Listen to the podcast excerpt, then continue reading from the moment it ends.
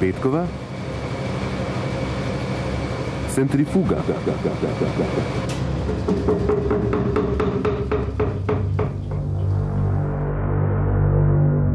Da bi rekli, da je omikron res samo še prehlad, žal ne moremo reči.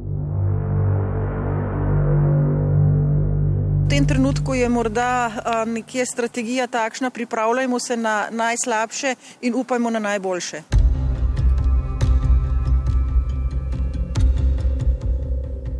To je torej nova strategija v času omikrona. Zelo glasni PC in COVID-no potrdilo očitno počasi odhajajo v zgodovino. Omikron kosi pa vseh, brez izjem. Morda je ta različica res zadnji korak sezonskemu prehladu, s katerim se bo nekako dalo živeti. A predtem, prav v teh dneh, so naše televizijske kamere v dolgih vrstah za testiranje ujele takšne prizore. Tole so odstranili, Ja, jaz sem to in so odstranil. zapeljali dol. Ja, sem In zdaj mi tu čakamo tam že eno uro pa pol.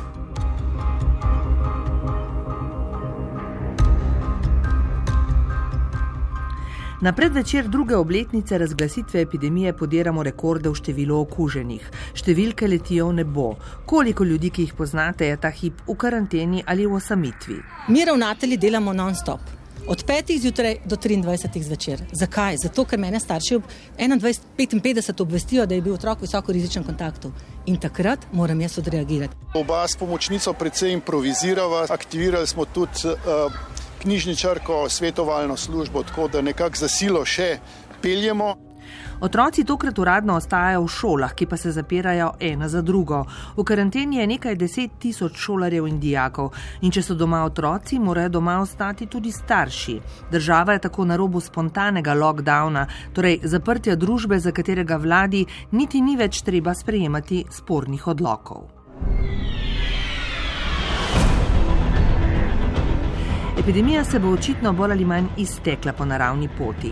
Vlada skrajšuje karantene in osamitve, kajti njen najmočnejši zaveznik gospodarstvo je slabe volje.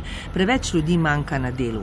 Epidemija in omejitve so nam vzeli človeško bližino, druženje, kulturo, potovanja in veselje, nikakor pa ne obveznosti, da opravimo svojih 8 ur službe na dan se pravi zaposleni, da se vsakodnevno testirajo, ne pa da ostanejo doma, ker s tem dejansko bi kršili delovni proces oziroma onemogočali delo.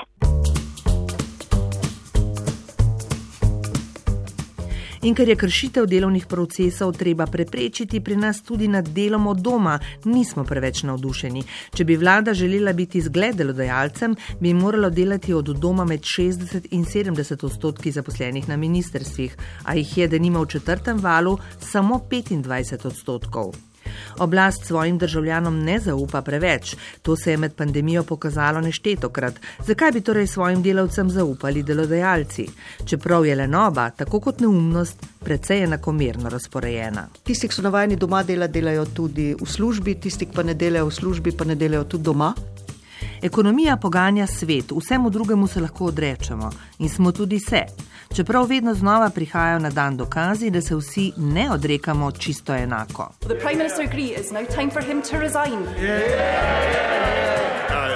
No, Mr. Speaker. You have sat there too long for all the good you have done. In the name of God, go. Za božjo voljo odstopite, je dejal te dni eden od konservativnih poslancev svojemu premijeju. Ne seveda v slovenskem, ampak v britanskem parlamentu. Razlog so številne zabave vladne ekipe v času najstrožjih ukrepov, ko je morala v samoti spremljati pogreb moža, celo kraljica. Politiko se odzivajo na javno mnenje in se mi zdi tudi to. Da je tak pritisk na Johnsona iz, svoje, iz njegove lastne stranke pokaže, da so ljudje jezni.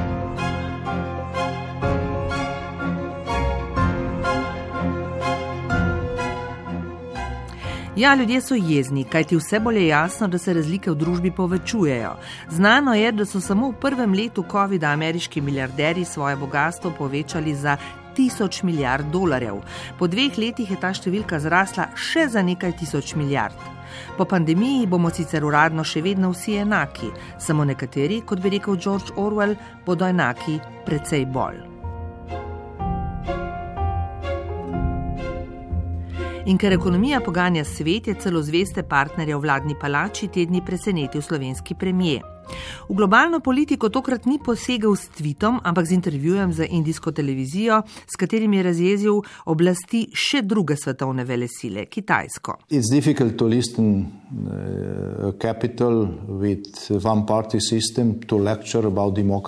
Predsednik vlade zgolj kaže samo, da je provokator, da je uh, nek populist.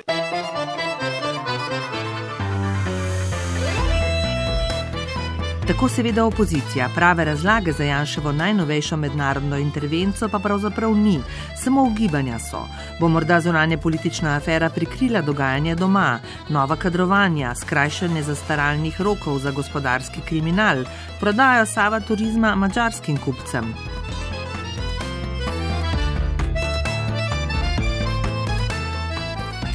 Kakorkoli že, ker so slovenska podjetja zelo hitro začela izgubljati posle na kitajskem, se je previdno oglasil celo minister Počivalšek. A resnejših praskov koaliciji seveda ne bo. V slovenski politiki je namreč že nekaj časa vse podrejeno eni sami temi - aprilskim volitvam.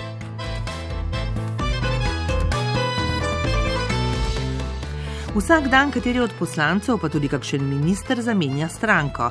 Kandidatne liste se zapirajo in znova se je nekaj predstavnikov ljudstva v zadnjem hipu soočilo z dejstvom, da se njihova politična pot končuje.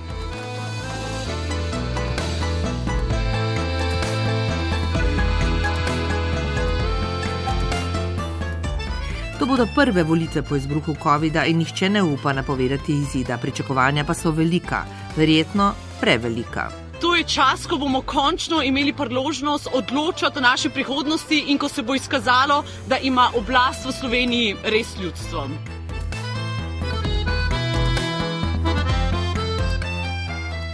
Res je, da ima oblast ljudstvo, res pa tudi, da vsi državljani in voljivci ne razmišljamo enako.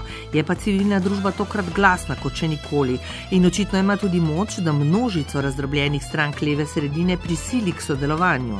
Računica je preprosta: če bodo te stranke tekmovale med sabo, bo zmago slavila sedanja vladna koalicija.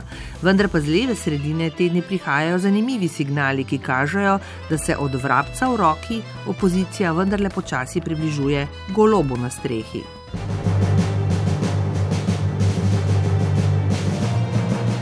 Ampak ta hip so možni še vsi scenariji. SDS je po anketah najmočnejša stranka in njen predsednik je obramboslovec.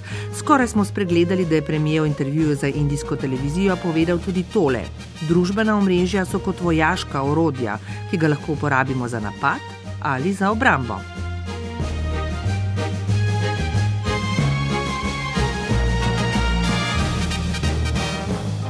In nobenega dvoma ni, da bodo v kampanji na obeh straneh uporabljena vsa orodja, ne le spretna, za obrambo in še posebej za napad.